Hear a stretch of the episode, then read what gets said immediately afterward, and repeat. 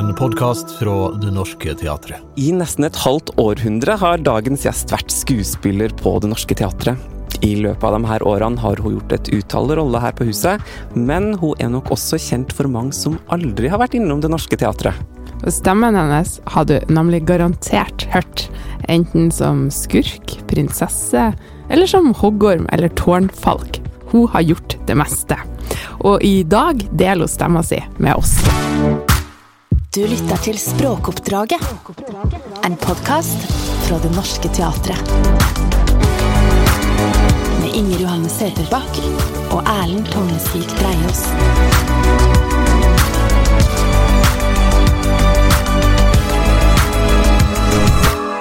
Velkommen til språkoppdraget, Unn Vibeke Hoel. Tusen takk. Du, vi har et fast spørsmål vi pleier å starte med, og det er hva slags språkbruker er du? Hmm. Ja, tenker du på hva jeg sier, hva slags språk jeg bruker? Jeg er veldig pratsom. Så bra at du er her, da. Det passer perfekt. Men ellers så er jeg jo Ja, jeg er Jeg vokste opp på Stabekk med foreldre som var fra Ullevål Hageby og Sogn Haveby. Riksmålsfolk i flere generasjoner, på morssiden i hvert fall. Jeg hadde en morfar som jeg aldri har møtt, som eh, sluttet å snakke bergensk da han var tolv år, og gikk konsekvent over til riksmål. Så det var veldig strengt. Og da, søster, da søsteren min begynte på skolen, hun er to år eldre enn meg, da gikk det skolebøker frem og tilbake, og jeg sier frem her nå, fordi nå kommer jeg inn i den stilen som var rettskriving, rettskriving fra 1927, som ble snakket i mitt hjem, da. Ja. og da kunne det være rettelse på at hun hadde skrevet Solen, og da var det strek for det skulle være samnorsk, og da skulle det være Sola. Og så var det rettelse tilbake, og min stakkars sarte søster måtte gå frem og tilbake med den der skoleboken. Solen og sola var ikke så viktig, men, men det kunne være andre ord som var helt naturlig for henne å si på, på riksmål, da, som vi var opplært til. Og så ble du retta på skolen. Ja. Men språk det- var viktig i Språk var veldig viktig, og jeg husker faren min pleide å si at han forventet urban oppførsel, for eksempel. Det var et ord som ikke fantes på den tiden, nå er jo det helt vanlig å si, Men, og vi var veldig flaue over når han liksom brukte uvanlige ord, da. Men han var veldig opptatt av at vi skulle kunne fremmedord og vite hva det innebar. En gang så skrev jeg en stil forresten om en som trakk gobeline om seg, så da var jeg litt på tur, det skulle være gobeleng, og det henger jo gjerne på veggen. Men ellers så var jeg heldigere med fremmedordene mine, da. Hva hva la i en urban oppførsel, da? Nei, det var rett og slett at vi skulle oppføre oss ordentlig. Ja. Det var det vi fikk ut av det, i hvert fall. Jeg syns det var litt sånn nedlatende. Det var også sånn at eh, Ja, jeg skal ikke ta hele familiehistorien, men eh, han skrøt av at jeg var fjerde generasjon som var født i Oslo, og det var tydeligvis en veldig bra ting. Av en eller annen grunn. Men bakover der så er det Enebakk og Odalen og Selbu og Førde og Jølster og sånn som med de fleste Oslo-familier, da. Ja, sant. Men da, jeg, da vi etter å ha bodd forskjellige steder havnet på Stabekk, hvor det var Endelig så var det jo Det var jo ikke så lang tid etter krigen, jeg er jo fryktelig gammel. Vi flyttet hit i 55, i de nye, stygge husene, som var eh, ja, sånn vertikalt delt, en tremannsbolig, og som var bygget der hvor det hadde vært skog og eplehager og sånt før. Det var bare gamle folk, men da kom alle vi fra de forskjelligste steder av landet, da, og det var jo noen år hvor det ikke ble bygget noe. Fordi at det, man savnet materialer. Mm. Så, men da opplevde jeg at vi egentlig var litt på landet. Fordi det var fremdeles folk som hadde hytter der. Og det kom en mann med slipestein og skulle slippe kniver, og mamma lurte på om hun skulle slippe ham inn eller ikke, og sånn. Og, og det fantes et annet språk nede ved Stabekk stasjon, og som jeg opplevde også var et morsommere språk å snakke, og som var forbudt inne. Ja. Så det var min første inngang til at jeg senere ble så opptatt av Oskar Bråten, da, som jo har laget en del forestillinger eh, med tekster av. Mm. Og, men det språket hentet jeg egentlig derfra, og så jobbet jeg jo tidligere med Jack Fjelstad, som jo var fra Lilleaker, og som også virkelig var ekspert på den, eh, hva skal du si, østlandsdialekten, da. Ja. Som var veldig nær Oslo, og som lignet på det de snakker i Så tenker vi Oslo østkant, men det var jo forskjellige dialekter for Sagene, Vålerenga, alle disse små bydelene, da. Mm. Så når jeg skulle jobbe med Oskar Bråten, så laget jeg meg vel egentlig min egen dialekt basert på de stedene jeg hadde bodd, da. Mm. Blant annet på Stabekk, og også senere på Gjelleråsen i begynnelsen av Nittedal. Mm. Vi skal komme litt tilbake til, til Oskar Bråten, men Jeg sa at jeg snakker mye. Ja, det er. Perfekt. Du gikk ut fra teaterskolen i 1974. Ja. Du var 23 år gammel. Ja, jeg ble 23 på høst, eller ja, i august, da Ja. jeg begynte her. Ja. Og da begynte du rett på Det Norske Teatret ja. eh, med en gang. Og jeg vet ikke om det var eh, den første rollen du spilte, men du spilte Julie i Romeo og Julie, i hvert fall ganske tidlig. Det gjorde jeg. Det, Eh. det var ikke den første, for den første var Tussi Ole Brumm. ja. som jeg måtte overta, så derfor så begynte jeg i mai, mens jeg bare var så vidt ferdig på skolen. Og, Og det var veldig skummelt, fordi jeg spilte sammen med en fin bjørn som het Tom eh, Tellefsen, men av og til så tullet han litt med Nassen Nøff, som var Marit Kolbrekk. Og jeg bare tenkte herregud, jeg må ikke begynne å tulle med meg, for jeg, jeg kan ikke improvisere på nynorsk. Men han gjorde aldri det, han var hensynsfull nok til å la det være. Ja, for du, du kom inn her, da var, da var det nynorsk som gjaldt. Hvordan var det å få det her arbeidsspråket? Altså, vi hadde jo jobbet en del med nynorsk på teaterskolen, men eh, Nei, det Altså, jeg har aldri opplevd det som noe problem. Nei. Jeg syns eh, Det var alltid sånn at vi måtte vite hva slags eh, Hva slags nynorsk har vi i denne produksjonen? Og det kunne jo enten være E-form eller A-form, og da rettet vi oss jo bare etter det. Og det som var veldig godt likt, det var jo en litt sånn telemarkstone i det. Men jeg kan ikke si at jeg gjorde det, egentlig. Vi, det var også ganske strengt i forhold til han som var språksjefen, som lærte oss at vi måtte si lever og ikke lever, og bære istedenfor ja. Veldig sånn viktig med hvordan du uttalte diftonger, det. Jeg, jeg, jeg husker at første gangen jeg jobba med deg her, etter at jeg ble språkkonsulent, så kom du og spurte meg sånn er det greit at de sier om og ikke om? For Ja, hadde ja, det gjorde lært-. Ja, for da Ja. hadde du lært veldig sånn strengt, Ja. sa du. Og da, ja, og da syns jeg Da reagerte jeg veldig på det, men jeg skjønner jo nå at man kan få lov å være fra alle steder av landet og bruke sin egen eh, tone. eh, hva det Farge Klangbotn. Klangbotten er det! Ja. Men min klangbotten er egentlig forbudt. Fordi det er ikke noe spesielt bra å være fra et sånn normert eh, bokmålsområde, da.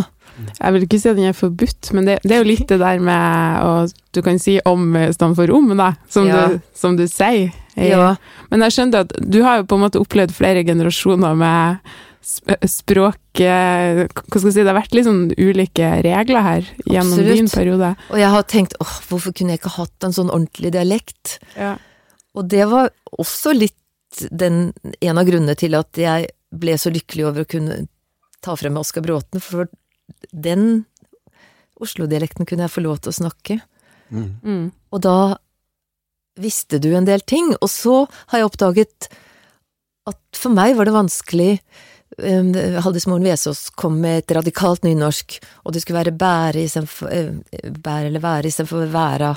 Og jeg oppdaget at ved å ha den Oslo-tonen i bunn, så er det mye lettere for meg å tenke at ja, men er, skal være sånn, Ja. og at den A-endelsen ligger meg nærmere. Mm.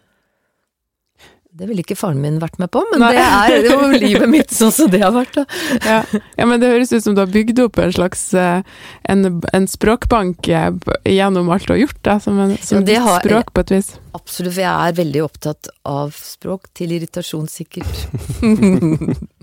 jeg er ikke, noe, jeg er ikke noe glad for en del sånne ting som kylling og kylling og ball og ball, at ikke man skal få til begge deler, da, hvis man er fra et område hvor det skal være ball. Mm. Så syns jeg det er barnslig å si ball. Kjefter du på barnebarna og sånt, eller? Nei, det gjør fedrene deres. Ja, ok. Så du de, er jo vært, de har jo oppdratt. Jeg kan huske en av sønnene mine som hadde å, Han var så lei av det der. Hvor var, hva var det du skulle, sa du? Nei, han skulle på kino. Hva skulle du? Jo, han skulle Jeg følte meg veldig gammeldags, men det var, han kom fram til at det var kino, da. Men så var det Skulle han plutselig på en kino på ski? Og så står han og tenker seg om en stund, og så sier han jeg tenkte jeg skulle gå på kino på Ki. Men, men du, hvordan er På mandag nå, denne veka så ble du og 13 andre pensjonister takka av eh, for eh, innsatsen på Norske Teatret. Hvordan har det vært å jobbe her i 48 år? Det har vært Det har vært veldig bra. Og det Jeg visste jo ikke da jeg begynte her at jeg flyttet inn. Nei. Men eh, den gangen så var det jo sånn at vi fikk tilbud. Så jeg fikk tilbud i desember om jeg ville komme til Det Norske Teatret. Og ja, ja, det var hyggelig, og det kunne jeg godt gjøre, men jeg tenkte jo ikke at ja, jeg begynner der, liksom, eller hva, ja, hva som skulle skje videre, det visste jeg jo ikke. Men jeg har likt meg veldig godt. Jeg har likt eh, Jeg har likt miljøet her, og jeg ble veldig godt tatt imot av de som var gamle og eldre den gangen, selv om jeg kanskje neiet litt og var, var ganske er, mer ærbødig enn de unge er nå, heldigvis, da. Men det har vært et veldig bra miljø, og vi pleide alltid å si at ja, men det er her, det, det er her det er bra å være, ikke de andre teatrene. Der er det mye sånn konflikter og Ikke at det er helt feil heller, men det har vært et veldig godt miljø og gode arbeidsforhold, syns jeg. Jeg har jo gjort alt mulig fra ja, de rareste ting til store ting. Det tenker jeg har vært noe med det å være på et institusjonsteater. Er, ja. Eh, at man går fra å spille Julie og til å spille hva var det jeg gjorde etter det? Noe helt sånn bitte, bitte, bitte lite. Og da følte jo jeg at nå var jeg virkelig kommet opp her i verden, og jeg hadde til og med fått blomster på scenen av en publikummer, og følte at Oi, nå ordner det seg her. Og så var det rett ned til noe oppsøkende etterpå. det hadde jeg sikkert godt av. Er det noen prosjekt eller roller som står i, altså som du tenker tilbake på, ja, det, akkurat det prosjektet var gøy? Eh, Jeg tror nok for meg, fordi det var stort å jobbe den gangen med Kjetil Bang-Hansen og med Det var Nils Letta og jeg som var Romeo og Julie. Og vi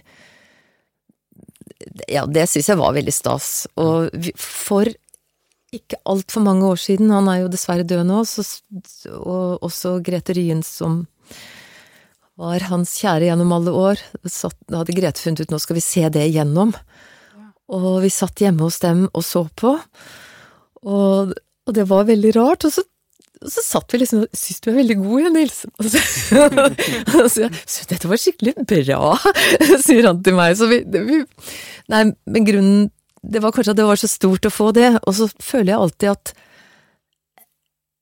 jeg syns ikke jeg er en sånn skuespiller som har noe sånn Det er ikke noe sånn Jeg ser meg ikke så veldig mye tilbake. Jeg kan, plutselig kommer det opp et bilde på Facebook eller noe sånt. 'Oi, det var Edda, det var kjempegøy.' Og så kanskje jeg legger ut det da og skriver et eller annet. Mange, mange ting som har vært veldig gøy å gjøre. Eh, Lucky Happiness Golden Express for noen år siden var veldig gøy for meg, for jeg skulle være en dame som var litt sånn litt dement. Det var en veldig fin oppgave. Jeg har alltid håpet at det vidunderligste lå foran meg. Og det gjør jeg egentlig ennå. Ja. Det er liksom ikke noe vits i å se seg tilbake, selv om man har minner om ting, så syns jeg liksom det er nå det gjelder. Mm. Du har jo nevnt eh, Oskar Bråten allerede, eh, arbeiderdikteren. Eh, og eh, blant annet kabaretforestillinga 'Mens jula står' har du spilt og turnert med over mange år. Ja, Hva er det med Bråtens karakterer og historier som eh, betyr mye for deg? han skriver utrolig bra rolle for kvinner, holdt jeg på å si. Det, det er jo ikke det, for det er det er jo fortellingene hans som jeg har kastet meg mest over, som jeg syns er mye bedre enn en stykkene. Og sånn som den ene historien er nesten som en sånn standup-historie, fordi han er så utrolig flink til å beskrive dem, Så det er veldig lett å hoppe inn og ut av roller, og jeg syns jeg har fått boltre meg veldig mye med både humor og, og dramatikk der, og også at de er så menneskelige. De passer overalt. Og han er Han er kanskje blitt beskyldt for å ikke være så Ja, han er kanskje snillere. Han er ikke Han er ikke egentlig arbeiderdikter på den måten, det er bare at han beskrev et område som ikke var beskrevet så mye før. Så jeg føler at han er aktuell overalt, ja, fordi det er det menneskelige. Men det er jo selvfølgelig ting han, han beskriver som eh, som er fra et liv som ikke så mange, ikke alle kjenner til, og som er hvor han beskriver fattigdom og og det var jo ofte Han vokste jo opp med en eh, mor og en søster, og han skriver jo ofte om disse alenemødrene, og hvordan de måtte gå på fabrikken hele dagen, og ungene måtte være enten alene, passe på hverandre, eller løpe ut i gata, og det var noen andre som tok seg av dem og så etter dem. Så Nei, det har bare vært veldig eh, Jeg, jeg syns han Det er veldig menneskelig. Og jeg kjenner meg igjen i det. Det var en venninne av min mormor, og mormor var jo fra en Enebakk-familie. Og hun hadde ganske morsomme venninner som het eh, Bolla og Lilla og jeg vet ikke hva de het alle sammen, som dukket opp av og til. Og, og de snakket mye bredere enn henne, men hun hadde jo giftet seg med han riksmålsmannen. Så, så hun hadde lagt om fra hva hete Mari tidligere, til hun het Meri. Og, Ja, hun hadde det. ja, ja. Og, men da liksom piplet det fram enkelte ting, da, i måten hun snakket på. Og så fikk jeg høre av en av de som var og så på, som var en eh, niese av henne. Ja. Å, det var morsomt. Nei, for du går akkurat sånn som henne, og nå ser jeg det derre hoftefestet du har, og det er akkurat som å se Marry, da. da. og da tenkte jeg ok, det er kanskje et eller annet eh, med en kvinnetype, da, og noe med det å stå godt på begge beina, og med hoftefest, og, og, og være i den situasjonen de var i nå. Går av gårde her, i alle retninger. Ja. Men det er, jo mye, det er jo ofte snakk om i teatret at det, er færre roller for kvinner når de blir eldre ja, sånn syns jo ikke jeg det har vært. Nei. Fordi det har jo vært perioder. Nå har jeg Det høres veldig snilt ut, og jeg er egentlig ikke så snill. Mange ganger så ønsker jeg meg Jeg ønsker meg svære roller hele tiden, jeg. Masse å bryne meg på. Men i det øyeblikk det er sånn som det var tidligere, hang bare navn på rollelisten, hvem som skal gjøre det og det, så var jeg egentlig ferdig med det. Og det har beskyttet meg ganske mye, og da tenkte jeg ikke noe mer på det. Og da var det kanskje den eller den som skulle gjøre dette er jeg hadde ønsket meg, da. Så da var det jo egentlig mange roller, men det var ikke alltid du fikk det du ønsket deg, da. Nei. Men Og det er jo ikke det, alltid det nå heller, men jeg, sy jeg syns jeg har fått så mye rart. Og jeg har blitt med på så mange morsomme prosjekter, sånn som at vi spilte annen verdenskrig, eh, hvor vi gjorde smått og stort, og men var sammen hele netter. Mm. Så jeg syns ofte prosjektene har vært så spennende å være med på. Så det er ikke, ikke det at jeg ikke vil ha masse å gjøre, men det kan av og til være sånn at prosjektet også overskygger hvilken del du Ja, har er blitt satt til å gjøre, da. Og så har jo alltid drømmen om at du får en liten ting, da, ok, du skal være den slangen der, eller du skal være litt av mus borti hjørnet der, men dette skal jeg gjøre til en liten perle, Mm. er utgangspunktet mitt, og så blir det med større og mindre hell, da, selvfølgelig. Av og til så har jeg jo gått ut av en forestilling og møtt folk som sier det var en fantastisk forestilling, ja, sier jeg, så hyggelig, tusen takk, ja, var du med? ja! Jeg var altså Altså, jeg kanskje hatt en litt mindre del av den forestillingen, da. Ja. Men du, du hadde jo en liten sånn her nå nylig, da du spilte Gud. Det var veldig stas. Der fikk du boltre deg i den Det var veldig engelen. gøy. I trikot og, cowboystøvler så var jeg gamla, som også da var Gud. Så jeg leser jo fortsatt Bibelen, da, for jeg måtte jo sette meg, jeg måtte jo drive litt research på området. Men jeg er ikke kommet lenger enn til side 579. Jeg tror det er det, i hvert fall det er på med Jobbs bok, og da har jeg startet fra starten, og stykket er jo nå ferdig, men jeg syns liksom jeg må fullføre prosjektet, da. Det er bra. Du, eh, eh, det har jo vært noen roller som vi har snakka om. Hvordan lærer du deg tekst? Ja, det kan være forskjellig. Jeg oppdaget at det var ganske gøy å lære seg teksten før leseprøve, for det var plutselig noe som var blitt litt mer moderne, og så tenkte jeg da må jeg, da må jeg prøve å gjøre det. Men det kan jo være litt dumt når man da forandrer veldig mye underveis. Men jeg syns at jeg lå litt foran, at det var litt deilig. Fordi at jeg kan jo fremdeles ikke helt improvisere på nynorsk. Det blir jo Jeg er ikke egentlig så veldig god i grammatikk. Jeg hører veldig bra. Men eh, ja, lære meg det. Akkurat når jeg skulle ta denne demente damen i Lucky Happiness Golden Express, så fikk jeg en avtale med en av sønnene mine at han skulle sufflere meg, og så sitter han bare sånn Men mamma, du kan jo ingenting! og så nei, men det er derfor jeg tenkte at du kunne ta jobben. og det er en del år siden, da. Ja. Så, men eh, nei, Ja, det er jo pugger. Jeg ja, pugger. ja. Jeg gjør det. Før så var det jo sånn at eh, vi ikke skulle kaste manus før man kunne slippe det som en moden frukt, ble det sagt. Og siden jeg også er litt grann lat, så syns jeg jo det passet fint, for da kunne du lære hvor du skulle gå og stå og sånn på scenen underveis, og da var det veldig lett å huske, for du visste at når du skulle bort til det skapet, så kom jeg til å si det og det. Og selvfølgelig så kan du henge deg på det at når han spør meg om det, så skal jeg selvfølgelig svare slik og slik, men, men jeg syns det er veldig godt å kunne være i hvert fall veldig godt kjent med teksten før jeg starter, da. Mm. Så det blir en del pugging, dessverre, som er fryktelig kjedelig. Jeg sitter du i en stol og leser i manus da, eller går, går, du tur? jeg går i skogen Ja. med hunden min, Ja. og kjefter og griner og småprater, Da er snakker sikkert... du høyt? Du Ja, snakker, ja, snakker høyt. Ja. hvis man møter deg på tur da, så da Da kan man bli, bli skjelt ut. Grovstått, jeg får si. Og den der hunden bare går hm, Ja ja, er hun der igjen nå? Så jeg bruker det mye på å bevege meg også. sånn. Syns jeg er fint. Men det, ja. Ja. For jeg har, har aldri noe sånt på øret når jeg går på tur, for jeg må jo høre lyder omkring meg og sånn. Og særlig hvis det kommer noen innpå meg når jeg går og prater. Men jeg har kanskje en liten lapp men jeg må stoppe hva var det egentlig jeg skulle si, og Men når du er ferdig med en rolle, da, når siste forestilling er spilt, glemmer du det da, eller har du fortsatt gamle replikker du kan eh, huske, eller monologer som Jeg skulle ønske jeg hadde vært jeg, jeg, Det er en del kolleger som bare er sånn full av masse ting de kan.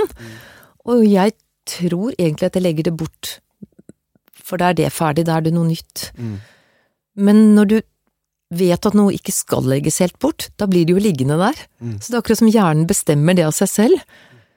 Men med det Mens jula står, som jo jeg er laget av fem fortellinger, da, de, det er jo en forestilling på ja, en time og et kvarter, kanskje. De drev jeg i årevis, og bare Det passet fint for den turen jeg skulle gå. Så da gikk jeg og pratet igjennom, og det gjorde jeg først daglig, og så en gang i uken. Og nå gjør jeg det kanskje sånn ja, en gang i måneden, eller hvert halvår, eller noe sånt. Men det hender jeg tar det igjennom bare for å se ligger der. Jo, det ligger der. For det kan hende jeg skal gjøre. ja. Det er imponerende, da. Så det er bare å ringe deg, for den Ja, for den kan jeg. Ja. Så har jeg jo laget en annen eh, Oskar Bråten-forestilling som jeg fremdeles Ja, som ligger litt nærmere nå. Men den har vi gjort mer til opplesning. Den har jeg sammen med en av sønnene mine, Gaute Skjegstad og Preben Oldram, som har laget musikken. Mm. Så den har vi i kortere og lengre utgaver. Men der bruker vi rett og slett sånn lesebrett. Fordi det blir mer som en Ja, man kan ikke si konsert, men det er jo musikk hele veien. Mm. Og da fant vi ut at det var egentlig ganske greit. For den heter um, Mødre og sønner og folk langs elva, og handler mye om at vi også er mor og sønn, da. Ja. Og, og, da, og av og til er jeg barn, og av og til, det ville blitt veldig merkelig hvis jeg skulle løpe rundt og være barn akkurat i den sammenhengen der, så vi fant ut at det var Så den teksten har jeg ikke inne, sånn, ikke på samme måte, da. Men Nei. jeg kan det jo ganske godt, da. ja, for da er du avhengig av å ha, ha den framfor deg. Da jobber du på en annen måte. Ja, da jobber jeg på en annen måte. Mm. Som vi ofte gjør i lunsj lyrikk og sånn, at du har teksten og I hvert fall, selv om du kjenner det godt, at du er opp og ned. eh, Men jeg, jeg har stor beundring for de som kan alt utenat, bare. Men jeg tror det er Man snubler jo litt av og til i sine egne nerver og tenker at nå kommer du til å gjøre feil, så da er det kjekkere å ha den Ja, ja. Det er det grusomste. Når man motarbeider seg selv og ikke klarer å konsentrere seg og sånn. Men har du vært mye nervøs? Jeg er alltid nervøs, Ja. men ikke ak som regel. Før så kunne jeg komme springende fra Jeg har jo tre barn, og da skulle jeg på prøve også kanskje hjem og lage middag, hvis det var jeg som kom hjem først, og hente i barnehage, og så tilbake på forestilling. Og da gikk det litt fort, og da husker jeg det var noe sånn Hæ? Det var bare en halvtime til forestilling, liksom. Ja, på med klær og sånn, og så egentlig bare fem minutter før, ops, og rett inn på scenen. Og det gjorde meg ingenting. Mens nå, som jeg er blitt litt mer gammel i hodet, så liker jeg å være en time før, og For da vet jeg at jeg er kommet på huset. Ikke så mye at jeg skal øve meg på ting, men at jeg er her, og kanskje en tur ned på scenen, og ja, nå som vi bruker mikrofon på hovedscenen, så vil vi gjerne kanskje teste lyd og sånt, og møte de andre, og jeg kjenner at det ja, det kunne jeg sikkert gjort før òg, men sånn var ikke livet. Nei, sant. Vi må også snakke litt om det å være stemmeskuespiller. Eh, Du har gitt stemmen din til en rekke kjente karakterer i film, i lydbøker, dataspill, TV-serier. Mellom blant annet mange Disney-figurer har du spilt. Eh, Snehvit i Snehvit og de syv dvergene. Snorkfrøken i Mummidalen. Løvenes konge. Cruella de Vil i 101 dalmatinere. Andys mor i Toy Story 1, 2 og 3. Eh, og for mange, meg sjøl inkludert, så er barne-TV-serien Flukta fra dyreskogen, eh, der du var hoggorm og tårnfalk. Det er liksom et klart minne fra barndommen. Altså, du er lyden av barndom for veldig mange nordmenn. Hvordan har det vært? Blir du gjenkjent på stemmen?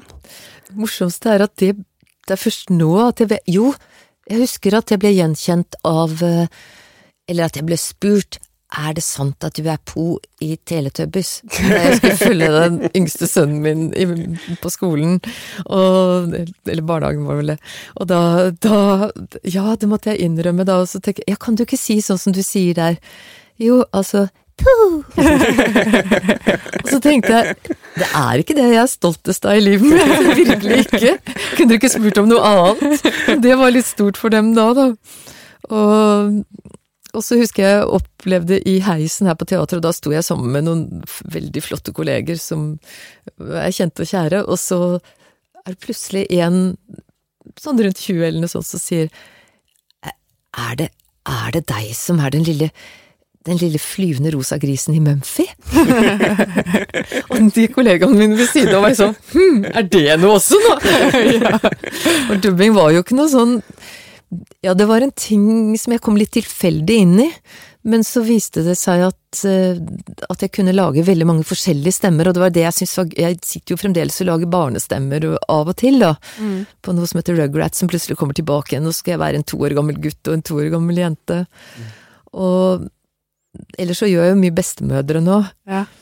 Men det har, vært, eh, det har vært på en måte et annet liv, og jeg har, eh, har jo også hatt det at jeg har lest inn bøker, og, og det å jobbe med stemme, og sitte med ja, Til å begynne med, i, Blindeforbundet så skulle vi jo ikke ha headset, så da satt du bare sånn, snakket inn rett på en mikrofon. Det var, det var litt mer ensomt. Ja, for, for det var Da leste hun bøker Da leste jeg for bøker Blindeforbundet. for eh, norsk ja, NLB heter vel det, kanskje, eller heter Og det var en veldig fin trening, og oppfatt, det var ikke så høy lønn akkurat, men jeg oppfattet at det var en veldig fin måte å trene seg til å, til å lese høyt, Mm. og konsentrere seg om det man holdt på med.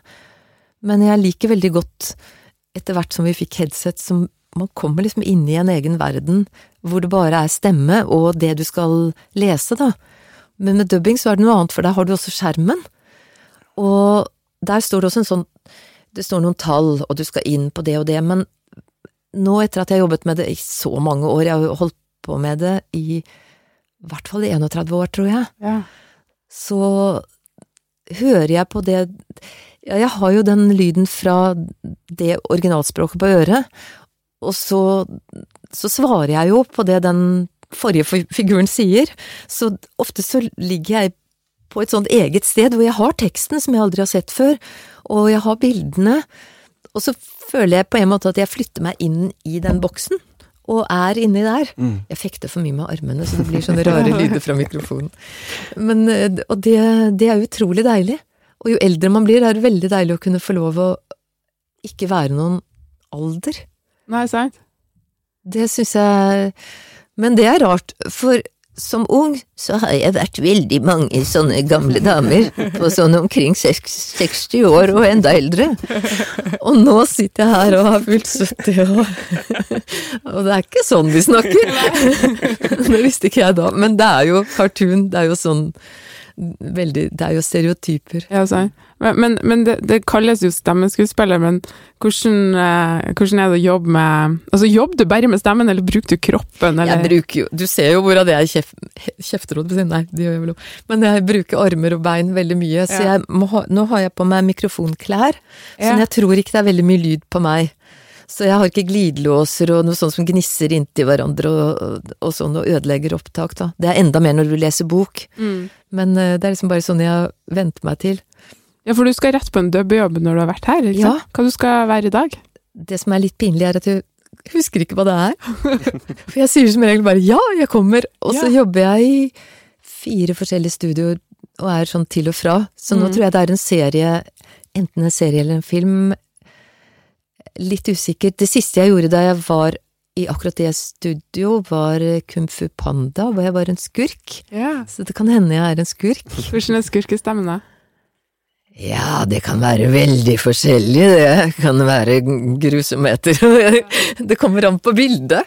Og så hører Vi hermer jo veldig mye. Ja.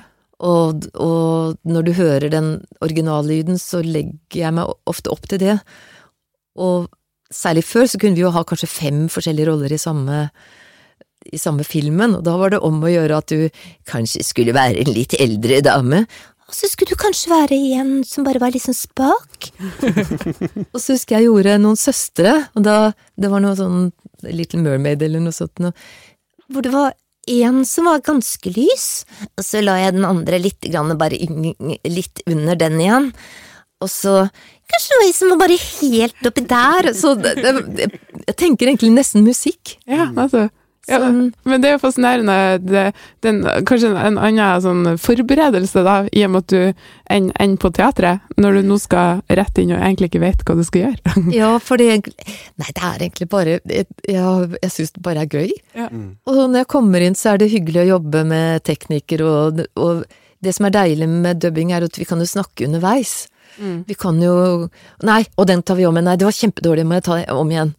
Og plutselig så sitter jeg og snakker som en liten mus eller noen ting, og så skulle ikke den være sånn, den skulle kanskje være en veldig skummel mus, eller et, et, så Men hvis det er en film, så ser vi gjennom først. Da er de veldig nøye på, og særlig hvis det er Disney, så er det jo alvorlig. Da har du skrevet kontrakt på at dette har du gitt fra deg herfra til evigheten med rettigheter og, og, og sånne ting. Men Er det sånn at man må på audition for Disney? Det er ofte sånn at de sender inn tre stemmer, og så enten blir du da foretrukket eller ikke. Ja. Så det har vært en del. Og så er det noe helt tåpelig nå som jeg er, vel, som jeg er litt stolt av. Men det er bare fordi jeg syns det er kult selv, da. Ja. At jeg har vært stemmen til Meryl Streep og til Julia Roberts og til sånne som jeg liksom syns er litt flotte, da. Maggie Smith og Judy Dench og Diane Keaton. Og nå skal jeg snart være for Jane Fonda. Masse, masse sånne Plutselig så er det sånne celebrities som er de rollene, og da blir jeg veldig barnslig og syns det er gøy, da. Det er jo veldig gøy. prøver gjøre Da prøver jeg å gjøre sånn, sånn som de gjør, da. Så det, jeg gjør dette her med veldig stor glede. Det høres kjempeartig ut, og det er veldig artig å se på ansiktet ditt eh, når du er forskjellige stemmene, for jeg ser jo at, man, at du bruker kroppen, at det er mer enn bare stemmen. Det må, må jo si til dem, dem som hører på.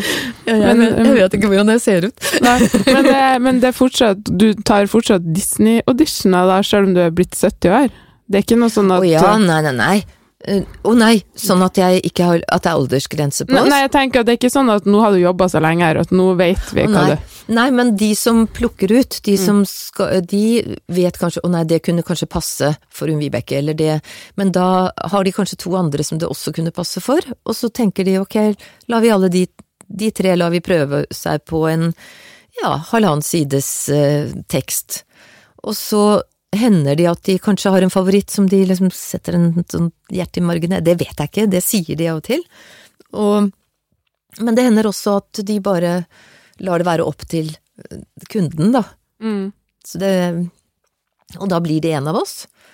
Så noen ganger får man det, og noen ganger Flere ganger har jeg ikke fått det. Mm, men da, da får du være den karakteren da i u ulike Da er du den norske Snøkvit, Ja, for ja, det har jeg jo vært i mange, mange år. Mm. Og så da Ja, for da, da tre, Nå har de jo byttet ut Snorkfrøken, da. Men det, Snorkfrøken overtok jo jeg egentlig etter et år, så jeg måtte legge meg opp til hun som hadde hatt stemmen før det. Så da måtte jeg lage Snorkfrøken sånn som Linn Stokke hadde gjort. Som var den første Snorkfrøken da. Da hadde jeg gjort Usynlig barnet og Vifsla, tror jeg. Og en del sånne før det. Mm. Og så var jeg Snorkfrøken, og så nå har jeg gått over til Ja, det siste jeg gjorde var vel en sånn teaterrotte eller noe, noe sånt noe. Ja. Men jeg leste i noen Mummitroll-bøker nå, da. ja, Det var veldig gøy. Så mm, jeg er ikke helt ferdig med det universet. så morsomt. Du, du sa i stad at uh, du alltid har tenkt at det, liksom, det, det mest vidunderlige ligger framfor deg.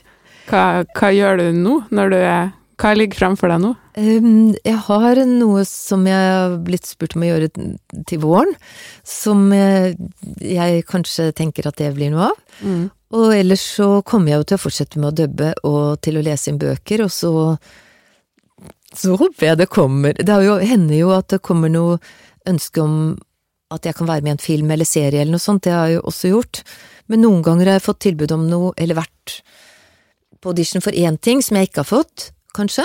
Og så sier de å, nei, men kan ikke du komme inn og gjøre det isteden? Nei, det kan jeg ikke, for jeg skal være bestemor i Charlie og Sjokoladefabrikken, så jeg skal ligge i en seng når dere holder på med det. Så det kan, jeg, håper at, jeg håper virkelig jeg skal få en del tilbud om å gjøre morsomme ting. Ja, så det er en frihet i å være pensjonist fra teatret òg. Jeg er jo litt ny i dette her, Ja. men det er sånn jeg prøver å tenke på det. Og så har jeg skaffet meg en sånn PT, personlig trener. For jeg tenkte hva er det viktigste nå? Det er å liksom, passe på å holde meg i form, da, for det var litt vanskelig av og til å Fordi jeg bor eh, Jeg har lang reisevei, da. Så, så det var ikke så lett å finne Hvor skal man gå til noe treningsstudio? Nei, og nå får jeg jo trent Vi har jo yoga i denne produksjonen, så det går bra. Men nå har jeg sånn pilates og noe yoga og litt forskjellig, da. Og så går jeg lange turer med denne hunden min, så jeg har liksom Men jeg kan ingen Og jeg har snart fem barnebarn, som jeg jo har lyst til å være sammen med, men jeg kan jo ikke basere meg på det, de må jo få gjøre andre ting òg. Mm. Og de bor ikke i nærheten heller, så jeg tenker at jeg, ja.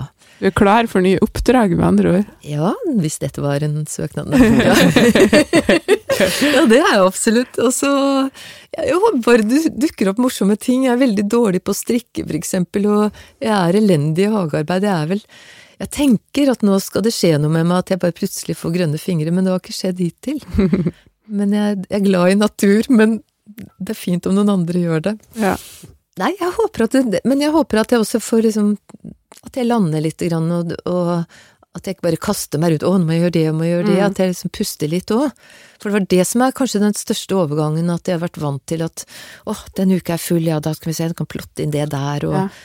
og mye av tiden på teater er jo også venting, så det er jo ikke det at jeg er sånn hyperaktiv hele tiden, men jeg må innfinne meg til de forskjellige tidene, da. Og da tenker jeg det kan jo være fint at det er noen sånn hull innimellom. Oi, dette er en travel uke, her skal jeg faktisk dubbe to dager. Hm, ja vel, og de andre dagene gjør jeg som jeg vil da, Ja. kanskje. Eller kommer inn og snakker med dere en Ja. morgen. Det var veldig hyggelig, altså. Så det Så jeg, ja, jeg, kjenner at jeg er litt spent, jeg. Mm. Og så så håper jeg liksom bare at jeg skal være frisk, og at verden skal bestå omkring meg. Ja. Og det er jo så mye man eh, blir redd for i disse dager, og, og forstår at vi lever jo helt Vi har det jo utrolig godt. Og jeg får utlevert penger hver måned nå som jeg som, Jeg har jo betalt for dette her, men at vi faktisk har det sånn eh, i dette landet, Mm. at vi får pensjon, da. Er sånn. Så Og så kommer du vel det, du tilbake til scenen på Norske Teatret òg, jeg vil jeg tro. Du er jo Skal- med på noen ting som skal komme opp igjen. Ja, Det er jeg. Jeg mm. tror at det skal bli, og jeg håper at det skal bli mer òg, jeg. Så det bare teatersjefen bite seg merke Jeg kommer gjerne tilbake hvis det trengs. Vi skal, vi skal be Erik Ulsby om å høre nøye på denne Ja. podkasten, så han får med seg det. Du, vi har et fast avslutningsspørsmål også, og det er rett og slett at vi spør gjesten om de kan dele med oss sitt favorittord. På nynorsk. Nei, det kan være Et favorittord. Vi er veldig, vi er veldig rause når det kommer til språk her i språkoppdraget, så det, det er hvordan som helst. jeg har noe favorittord? Jeg er utrolig god til å snappe opp nye ord hele tiden, og begynne å bruke dem som Nei, nå ble det stille, gitt. Et favorittord. Hm. Hva er ditt siste funn i språket da, som du har tatt, tatt i, til deg? Jeg kommer ikke på noe, men jeg var i en begravelse i går. Ja. Der ble det holdt nydelig tale. Jeg husker ikke ordrett, men man lyser jo gjerne fred over noens minne og, og hvil i Han brukte i hvert fall uttrykket glede. ja. Så hvis jeg kanskje jeg skal velge det ordet, Det var fint. For det hang litt igjen etterpå, så tenkte jeg ja, vi skal gå ut i denne våren, og det var en mann som nå ikke er der mer, men han eh, kanskje brakte mye glede. ja. Ja, Så bra, det er jo et kjempeflott ord. glede er fint. Og tusen takk for at du kom til språkoppdraget, Unn Vibeke Pohl. Takk for meg, det var hyggelig å være her. Bli med i samtalen. Send inn dine spørsmål og kommentarer til sprakoppdraget krøllalfa denorsketeatret.no. Produsent er Ole Herman Andersen. Flere podkaster fra Det Norske Teatret finner du i podkastappen din.